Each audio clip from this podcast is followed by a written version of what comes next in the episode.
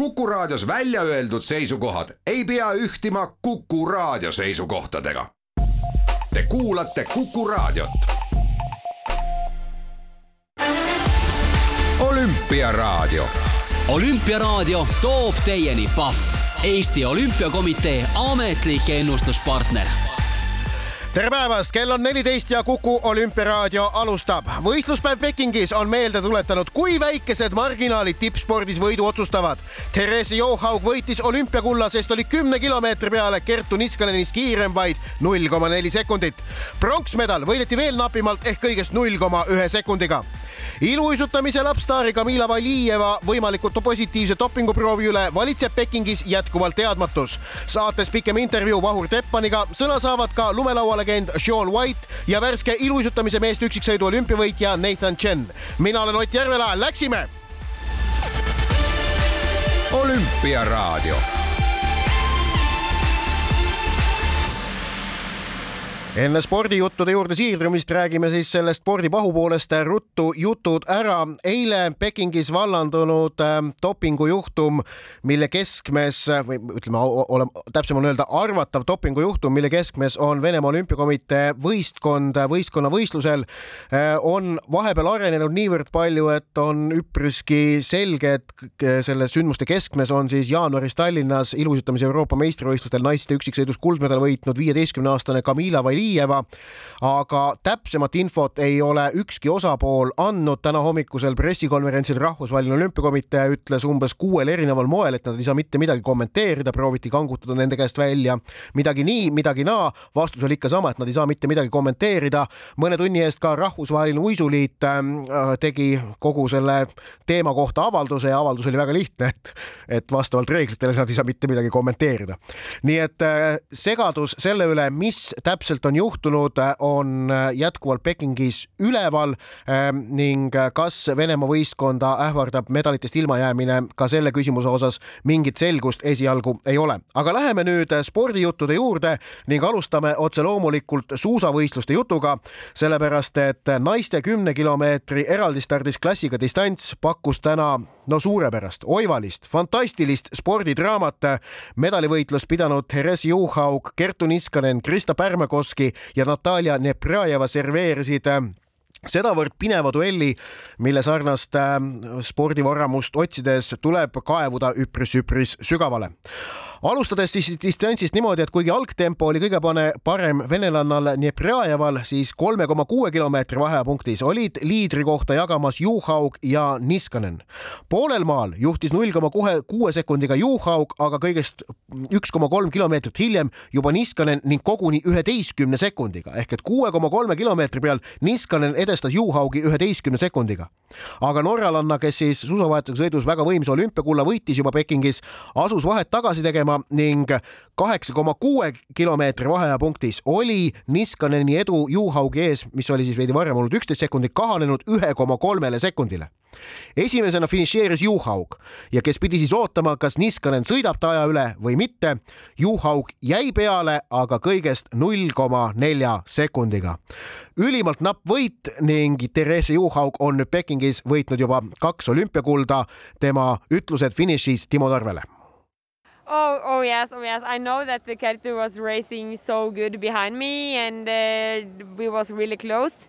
And I know that she had uh, 11 second uh, because I heard the the coaches out there say that to me. But I feel that I have a lot of uh, power, a lot of energy at the last part. So I I know that uh, that everything was possible. So uh, I, I I give I give everything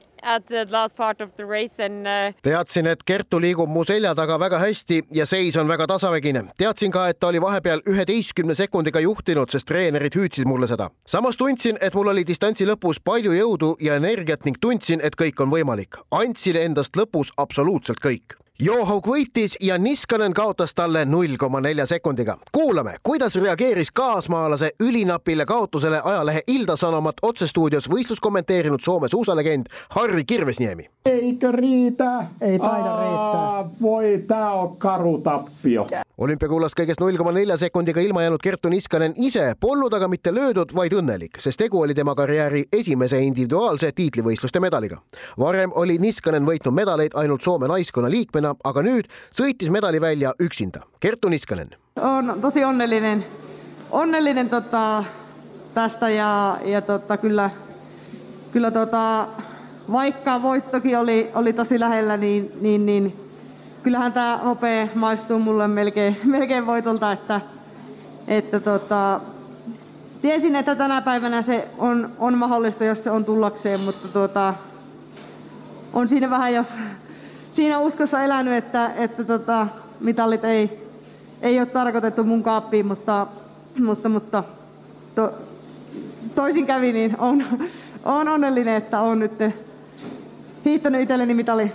olen tegelikult väga õnnelik, kuigi ka võit oli väga lähedal, siis see hõbemedal maitseb peaaegu nagu võit teadsin, et medali võitmine on võimalik, aga vahepeal hakkasin juba elama kartuses, et medalid pole minu jaoks ette nähtud. Aga läks teistpidi ja olen väga õnnelik, et endale oma medali välja suusatasin veel pingelisem kui võitlus kullale ja hõbedale oli Krista Pärmekoski ja Natalja Neprjajeva duell pronksmedali nimel.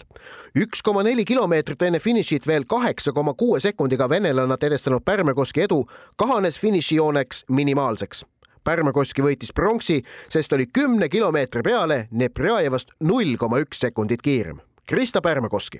Mä olin ehkä vähän toivoni menettänyt siinä, että mä voittaisin sen mitallin, mutta kun tiesin, että Nebrajeva on tosi kova siihen loppuun ja Lenserhaidessa hän tuli takaa ohitte ja lähellehän se nytkin pääsi, mutta mä olin tosi onnellinen, että se maaliviiva oli tuossa kohtaa.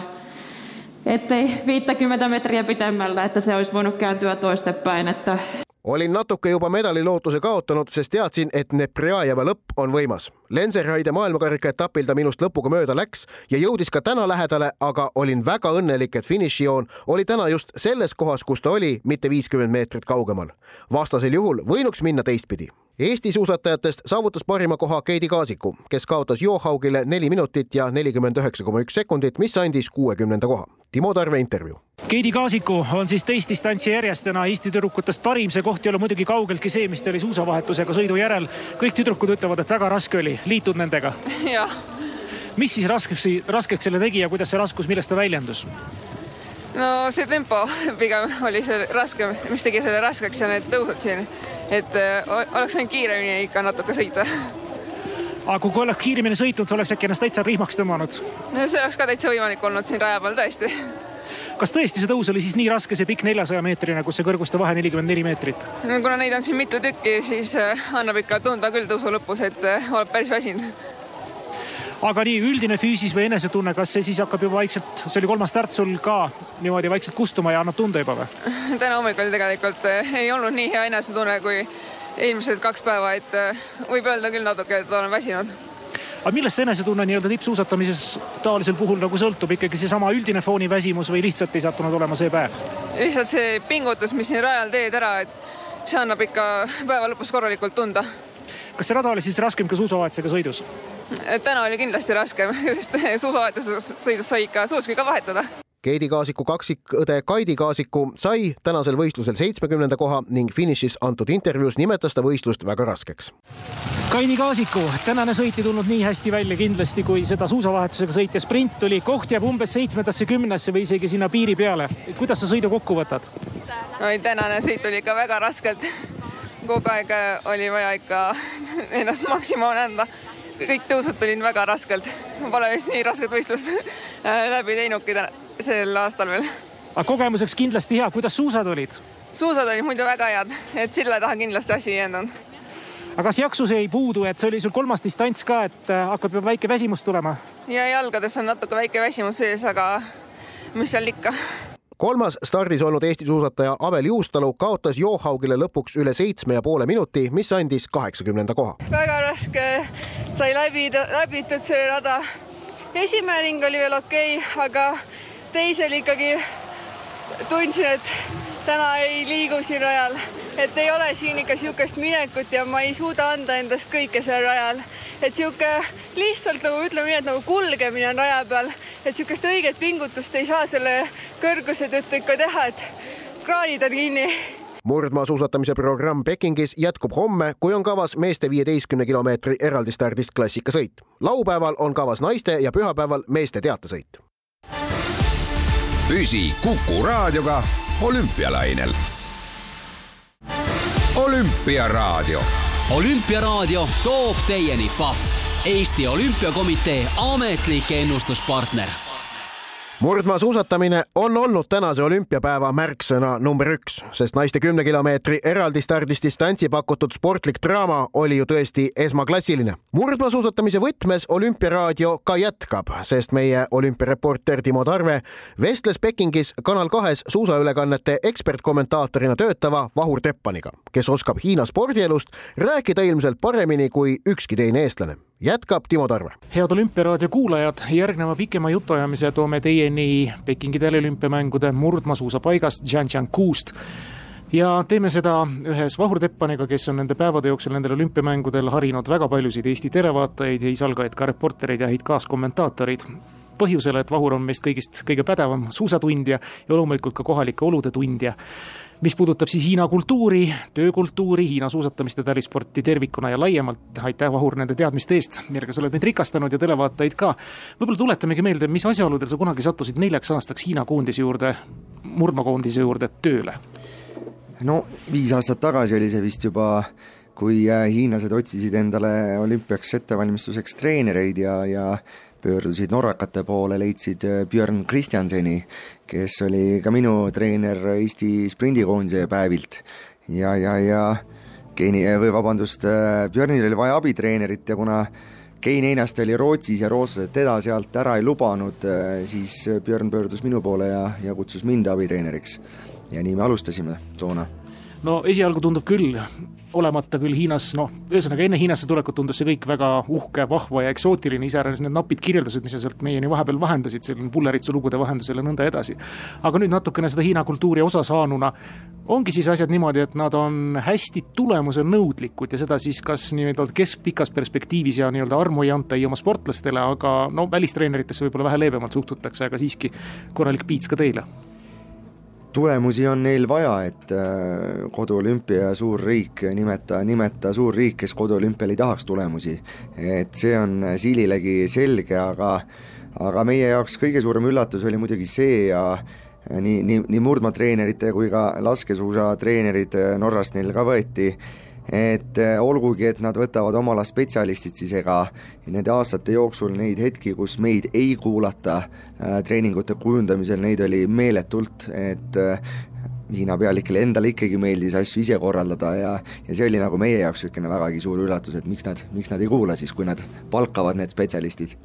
kas nad motiveerisid korralikult, ma mõtlen välistreenerid nii-öelda olema, tulema ja jääma?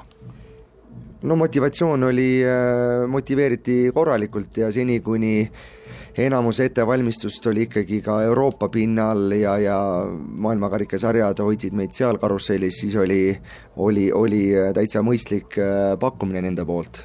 aga kui, kui tuli Covid ja, ja tuli hakata ikkagi äh, kuude viisi sisuliselt äh, mis me räägime kuudest pool aastat järjest Hiinas olema, siis minule ja minu perele see saigi nagu saatuslikuks, et et osad treenerid ikkagi pidasid lõpuni vastu Need rajad on sulle tuttavad ja hiinlased on nende nimel hästi pingutanud viimased seitse aastat, kui need on rajatud pärast seda, kui Peking sai siis teada oma olümpialinna staatusest ja kas nad siin on ka endast nii-öelda maksimumi võtnud ja tõepoolest sisuliselt nullist midagi taolist üles ehitanud, mida me siin oleme näinud teleripildi vahendusel ka?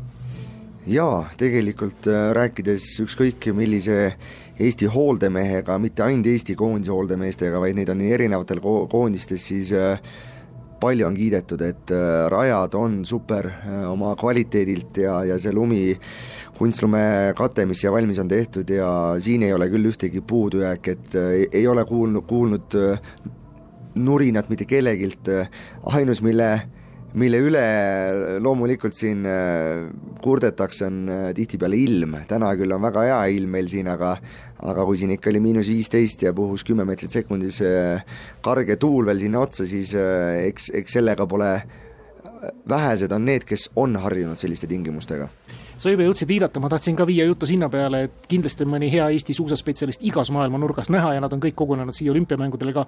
loetlenud üles, kui sa jõuad, kui palju neid erikoondiste juures on, eri firmade juures täna siin olümpial toimetamas, neid on tõesti, mulle tundub, et eestikeelset juttu kuuled vaata et iga nurga peal. oi-oi, neid on tõesti väga-väga palju. Karel ja Oleg on ju Ameerika koondise juures ja poolakate juures on kaks meest soomlaste juures on vähemalt kolm meest, keda mina tean. Venelaste juures kolm-neli meest, äh, Läti koondise hooldemeheks on, on siin eestlane ja, ja, ja võib-olla, võib-olla kohe, kohe ei turgatagi veel neid, et äh, no Mihhail Lukertšenkot oleme siin näinud, tema on Swixi all. jah, tema, tema teeb Swixi firma esindajana siin äh, tööd, et tegelikult neid, neid mehi on väga palju millest see meile märku annab, kus meil see nii-öelda oskusteadmine on tulnud, ma küll ei tea, et ülikoolis õpetatakse uusahooldust ei, kust see oskusteave ikka tuli, et olid, olid ju ajad, kus äh, Eesti mehed ka medaleid tõid ja, ja ja sel ajal äh, taustatiim oli ju väga suur, äh, üles ehitatud ja, ja väga kõik, kõik, kõik need teadmised ju sealt tulid ja, ja edasi on ka kantud ja eelmise küsimuse vastuseks ma loomulikult hea sõbra Keini unustasin ära, kes tegelikult treenerina on ju Darja Kolonjat treenimas, et äh, minul on rõõm selle üle, et, et need teadmised ei ole kuhugi riiulile jäänud ja, ja Eesti, Eesti mehed siin järjest aastatega neid äh, pagasid suurendavad ja tahaks loota, et ühel hetkel õnnestub see taas kord äh, Eestisse tuua ja, ja rakendada tulevaste äh, tipptegijate peal. Ega vist välismaal töötamine nii palju silmaringi ikka avardab ka, et need kogemused, olgu nad saadud mis tahes koondise juurest, olgu ta kas või Kolumbia suusakoondis, ikka kulub kuidagi marjaks ka Eestis ära tõepoolest, et kui see koondis ikkagi maailma karikasarja karussellis tiirleb, siis äh, sa saad ju, see seltskond teab, tunneb kõike üksteist ja ega see, see, see ei tähenda, et sa alati oma selle riigi koondise meestega tööd teed, et siin saab ju infot vahetada ja siin koostööd tehakse paljugi, et Eesti-Läti teevad ju koostööd ja, ja lisame Poola mehed siia juurde, et ega, ega kui mehed on erinevates koondistes, siis infoväli lihtsalt suureneb tänu sellele. Vahur, äh, me praegusel hetkel vestleme, kui sprindivõistluses on vaheaeg, me ootame siis juba veerandfinaalide sõite. Ja eetrisse jõuab see jutuajamine natukene hiljem, kui on juba sprindi tulemused meile ka teada, aga räägime siis praeguse teadmise põhjal sellest, mis on seni siin murdmaadistantsidel kas nüüd üllatanud või ei ole üldse midagi üllatanud ja, ja mis mulje sul on nagu tervikuna olümpiavõistlus jätnud?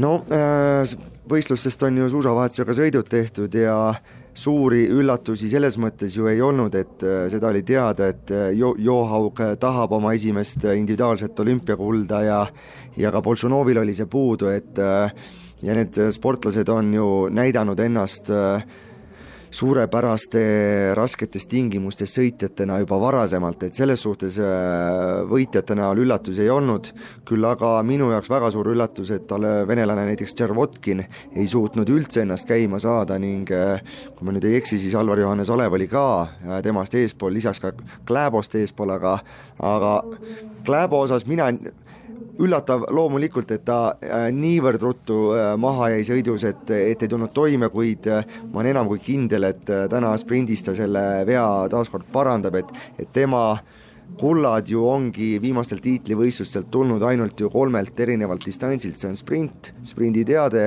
ja meeskondlik teatesõit. et ta ju tavadistantsidel nii-öelda ei olegi medalit võtnud. No Oberstdorf võttis, aga jäi sellest ka ilma muidugi aga see selleks, see, mis nüüd puudutab Norra meestekoondist ja suusavahetuse sõidu järel just nimelt koondist ja taustajõudusid, kes käitusid ikkagi üsna tüüpiliselt vastikult, hakkasid turtsuma, näitama näpuga teiste poole, ütlesid, et need teevad sohki. üsna tavapärane käitumine vist, mulle tundub Norra koondise juures, kui endal läheb halvasti, siis süüdista teisi sohi tegemises, et eh, kuidas suusamaailmas sellele vaadatakse ja kas norralasi nii-öelda neid uhkeid suusatajaid ka nagu nii-öelda omaks võetakse muu murdmaseltskonna poolt? jah, see on niisugune infomüra, et ega vahet ei ole, kellel võistlus hästi ju välja ei tule, öelge, kuna, kuna Boltšanov midagi ilusat siis on öelnud, et ega, ega Pett on sportlaselt äh, pigem, eks ta ütlebki ausalt, nii nagu tal see emotsioon seal on ja eks need tippsportlased ikka emotsionaalsed valdavalt on, et et mina ei pööraks sellele üldsegi tähelepanu, et et tähtis, et suusarajal suudavad nad pealtvaatajatele head emotsiooni pakkuda ja põnevaid võistlusi, et see on ju, see on ju see, miks nad siin gladiaatoritena siin areenil ju on ja ja, ja ma usun, et iga olümpiapäev saab siin väga põnevaid äh, sõite pakkuma. aga kas tõepoolest enne näiteks vahel lepitakse kokku ja köetakse ennast nii ilusti üles, et lisaks suusarajale ma näitan ennast ka väljaspool seda ja valmistame korraliku kukepoksi, et aga pärast oleme sõbrad, käime üksteise pulmas ja nii edasi? Kindlasti võib olla, et ehk, eks Peter, Peter Nortug ju tavapäraselt pildus neid Rootsi koondise pihta, neid nooli siit ja sealtpoolt ja, ja, ja ja kindlasti see oli ju vesi nii-öelda Norra-Rootsi meediaveskile, et sealt see, neid lugusid kirjutada oli ju kamaluga võtta, et ja eks ta ju üks, üks eesmärk oli ju suusasporti ka teravust ja intriigi tuua ja väga õigesti, selliseid, selliseid sportlasi on alati äge ju jälgida lõpetuseks, mina ei mõtle, ma ei ole ühte asja siin näinud, mida ma muidu suusavõistlustel olen näinud, see on see kolme- või neljakordne, ma muidugi utreerin, äh, Norra suusakoondise suur määrdebuss, mis tavaliselt Otepää MK-etapil võttis terve parklenda alla ära, aga olümpial vist on kuidagi võrdsemad reeglid sätestatud, et ühed ei tul-, tohi tulla suurema masinaga kui teised kohale? no siin üks äh, kolmekordset küll ei ole, aga aga hiinlastel endal on üks korralik äh, hooldereka siin valmis ehitatud ja ja noh, stiilis nagu ameeriklastelgi, et norrakatel sommidel on need Euroopa karussellis need suuremad ehitatud, aga no olgem ausad, tähtis ei ole, kui suur see hooldereka on, et äh, küsimused, mis, äh, mis teadmised ja mis seal sees toimub ja mis seal tehakse, et see on nagu ennekõike oluline ja ja siin tegelikult need tingimused äh, neid ehitussoojakuid üksteise otsa ja kõrvale on pandud nii palju, et äh, mitte ükski koondis ei pea kitsikuses ennast tundma, et isegi Eesti koondisel on täitsa kolm eraldi ruumi, kus, äh, kus saab olla ja tööd teha ja ja saavad sportlased riideid vahetada, et äh, tingimused on hooldemeeskondadele väga hea, head sellegipoolest, et pole neid rekasid siin. päris lõpetuseks ma ei saa küsimata jätta, Vahru, kas sul tükike südant ka siia jäi ja igatsust? Ei, ma sain siin nii pikalt olla ja, ja päris ammendavalt äh, viimane kord pool aastat olles, et äh, mul on Eestis äh, tõepoolest naudin kodus pere juures elu ja ja tööd on kodus ka nii palju, et et pigem, pigem vaatame, et see kolmenädalane olümpiareis peavad teised abilised Tartus Limpa suusakoolis minu, minu töö ka minu eest ära tegema. jõudu neile, jõudu sulle, ilusat olümpiat, aitäh selle usutluse eest, Vahur Teppan! aitüma! Püsi Kuku Raadioga olümpialainel. olümpiaraadio. olümpiaraadio toob teieni Pahv, Eesti Olümpiakomitee ametlik ennustuspartner. olümpiaraadio jätkab ning siirdume juttudega lumelauaspordi juurde homme varahommikul alustab Pekingi taliolümpial oma karjääri viimast võistlust selle aastatuhande üks fenomenaalsemaid talisportlasi leidub väga vähe atleete, kes oleks oma spordiala niivõrd palju kujundanud ja edasi viinud kui Ameerika Ühendriikide lumelauasõitja Sean White. Öeldakse, et sportlasest saab superstaar siis, kui tema mõju ja nähtavus väljub spordiväljalt ning jõuab muudesse sfääridesse. Sean White on figureerinud animasarjades Simpsonid ja American Dad, mänginud iseennast mitmes mängufilmis ja telesarjas ning astunud üles muusikavideodes noorena punase juuksepahmaka ja hüüdnime lendav tomat järgi tuntud White on olnud lumelauaspordi suursaadik, kelle mõju ja populaarsus aitasid sel spordialal taliolümpiamängude programmis sisse võtta sedavõrd jõulise koha, et Pekingis välja jagatavast saja üheksast medalikomplektist koguni üksteist antakse välja just lumelauaspordis teiste sõnadega, alles tuhande üheksasaja üheksakümne kaheksandal aastal Naganos olümpiadebüüdi teinud lumelauasport moodustab praeguseks taliolümpia mahust üle kümne protsendi.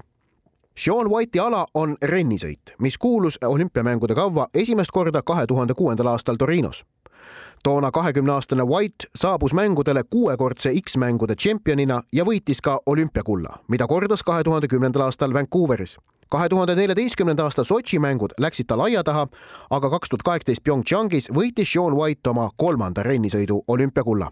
Pekingi taliolümpiale kvalifitseerumine oli White'i jaoks keeruline, aga ta on päral kolmapäevases kvalifikatsioonis läks White'i esimene sõit aia taha, aga teises teenitud kaheksakümmend kuus koma kakskümmend viis punkti viisid ta paremuselt neljanda skooriga reedesesse finaali enne võistlust teadas White, et Peking on tema viimane olümpia ja üldse karjääri viimane võistlus. Because I've decided this will be my my last Olympics and uh, with that I've been giving it my all. There's been some ups and downs along the way to get here.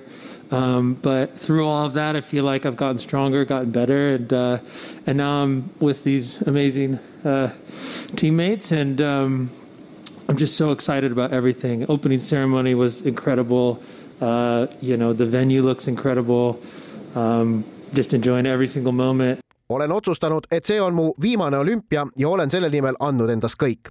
on tulnud ületada raskusi, aga seeläbi olen saanud paremaks ja tugevamaks ning nüüd olen siin Pekingi olümpial kohal. mul on imelised võistkonnakaaslased ja olen kõigest väga elevil. avatseremoonia oli lummav, renn paistab suurepärane, naudin iga hetke viiendat korda olümpiamängudel võistlev Sean White kinnitas ka, et kuigi naudib täiel rinnal osalemist ja teiste lumelauasõitjate seltskonda, siis ennekõike on ta Pekingis ikkagi võistlemas. I love having fun, I love training, I love being a part of it and reminiscing about old times and things like that, but I'm still incredibly competitive and you know, just to make it here like everyone said is such a feat. To enjoy this whole process is special. I mean, for my fifth time like pinching myself how lucky I am to be here still at this age mulle meeldib lõbutseda, treenida, olümpiamelust osa saada ja vanu aegu meenutada, aga olen endiselt igas olukorras võitlusvaimu otsast lõpuni täis.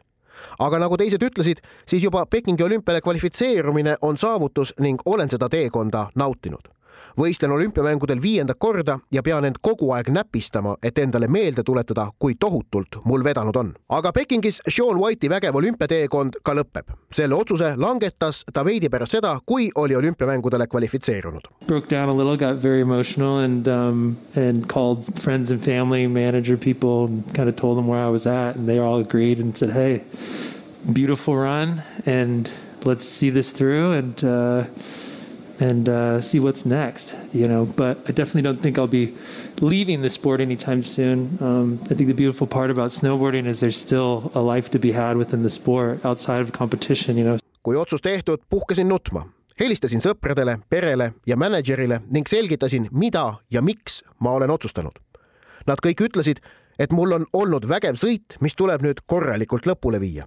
eks näis, mida elu edaspidi toob kindlasti ei kavatse ma lumelauaga sõitmist ära lõpetada. lumelauaspordi üks väga ilus nüanss on, et seal saab jätkata ka pärast sportlaskarjääri lõppemist. meeste lumelaua rennisõidu finaalvõistlus algab reede hommikul Eesti aja järgi kell kolm kolmkümmend kõigil kaheteistkümnel finaali pääsenud sportlasel on kolm katset, millesse arvesse läheb ainult parim. kolmekordne olümpiavõitja Sean White stardib üheksandana. olümpiaraadio Ameerika Ühendriikide koondis pidi Pekingis oma esimest olümpiakulda ootama pikalt. esimesel viiel võistluspäeval võideti küll mitu hõbe- ja pronksmedalit, aga kulda ei tulnud enne, kui eilsel kuuendal võistluspäeval võitis naiste lumelauakrossi Lindsay Jacobellis tänane võistluspäev on aga ameeriklastele olnud edukas. iluuisutamise meeste üksiksõidus lühikava järel juhtinud kolmekordne maailmameister Nathan Chen sooritas vabakavas viis neljakordset hüpet, suurendas oma edu veelgi ja võitis kolmesaja kolmekümne kahe koma kuuekümne punktiga karjääri esimese olümpiakulla It certainly would not be possible uh, without all the people supporting me over the years uh, my parents, my family, my coaches. The list goes on and on and on. I would say most athletes, I obviously can't speak for every athlete, but I think most athletes have a pretty strong team of people helping them. You know, these these results are not always just one person. There's always a lot of people behind helping helping the athlete out. Um, and that's certainly the case for me. olümpiavõitjaks pole võimalik tulla ilma paljude inimeste abi ja toetuseta. mu vanemad ja mu perekond ning mu treenerid. selle nimekirjaga võiks veel pikalt jätkata ma ei saa küll iga tippsportlase eest rääkida, aga arvan, et enamikul meist on väga tugev taustatiim võitude taga pole ainult üks inimene, vaid paljude inimeste töö ja vaev, kes sportlast toetavad. Chenile järgnesid jaapanlased Yuma Kagiyama ja Shoma Uno kaks eelmist olümpiakulda võitnud Yuzuru Hanyu vabakava oli küll paremuselt kolmas, aga see tõstis ta kokkuvõttes kaheksandalt kohalt kõigest neljandaks. USA võitis kuldmedaliga naiste lumelaua rennisõidus, kus võidutses ka nelja aasta eest PyeongChangis olümpiavõitjaks tulnud Chloe Kim hõbemedali võitnud Gueralt Castellé avas Pekingi olümpial aga Hispaania medaliarve sarnaselt Ameerika Ühendriikidele on täna Pekingis kaks kulda võitnud ka Austria, sest meeste Alpi kahevõistluses oli parem Johannes Strolz ning meeste lumelauakrossi võitis Alessandro Hämmerle. olümpiaraadio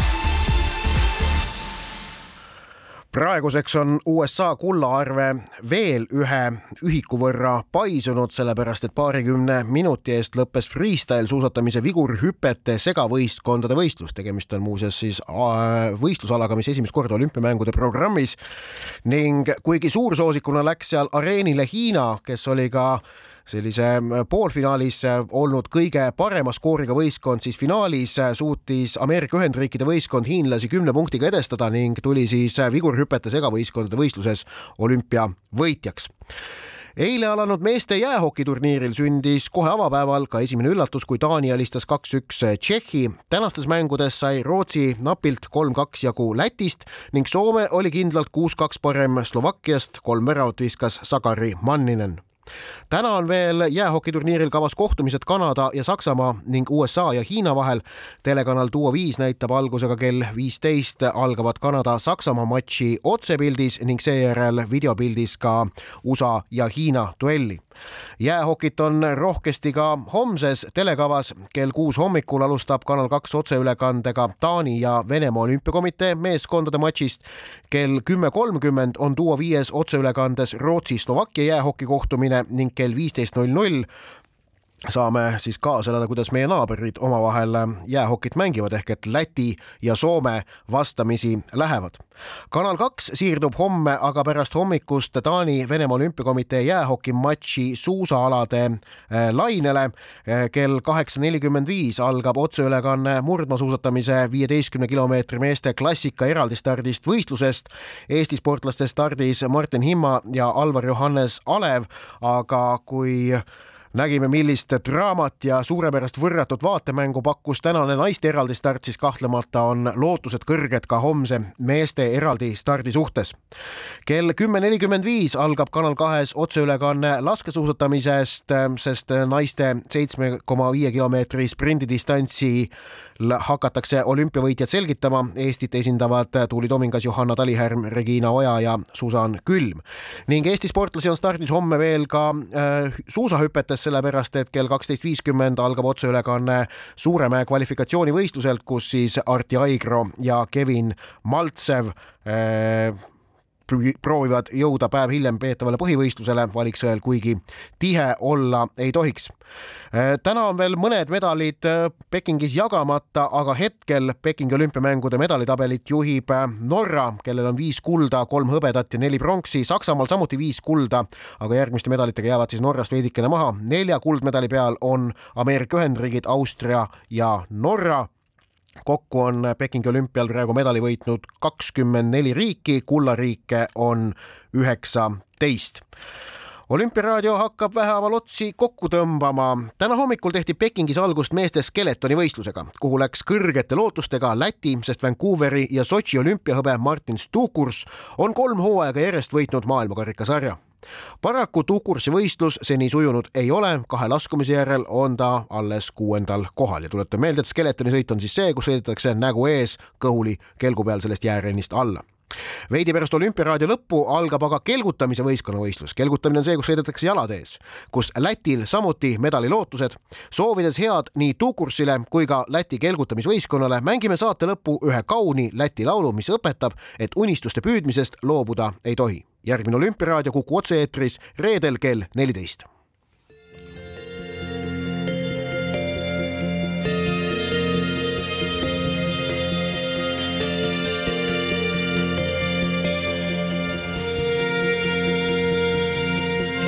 My friends gonna call me hey dreamer The stars are watching us so far Tonight I know I will get there By playing bus ride to my star. But then there are things you just don't know.